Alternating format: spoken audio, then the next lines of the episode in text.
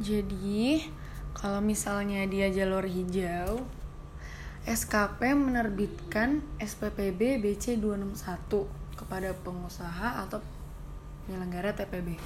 Setelah mereka menerima respon, lalu melakukan pengawasan staffing barang ke dalam sarana pengangkut.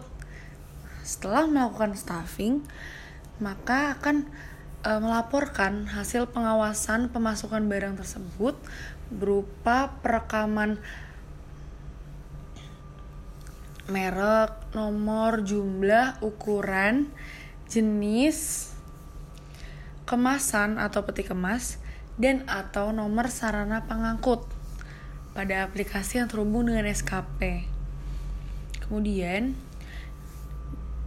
pengusaha atau penyelenggara TPB tersebut juga melakukan pengawasan pengeluaran barang dengan mencocokkan jumlah dan jenis kemasan atau peti kemas serta nomor sarana pengangkut.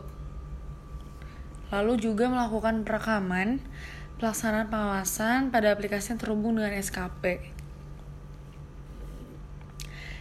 Dalam hal staffingnya itu sesuai, staffing dengan pengeluaran barang itu sesuai, maka kan terbit NPPD.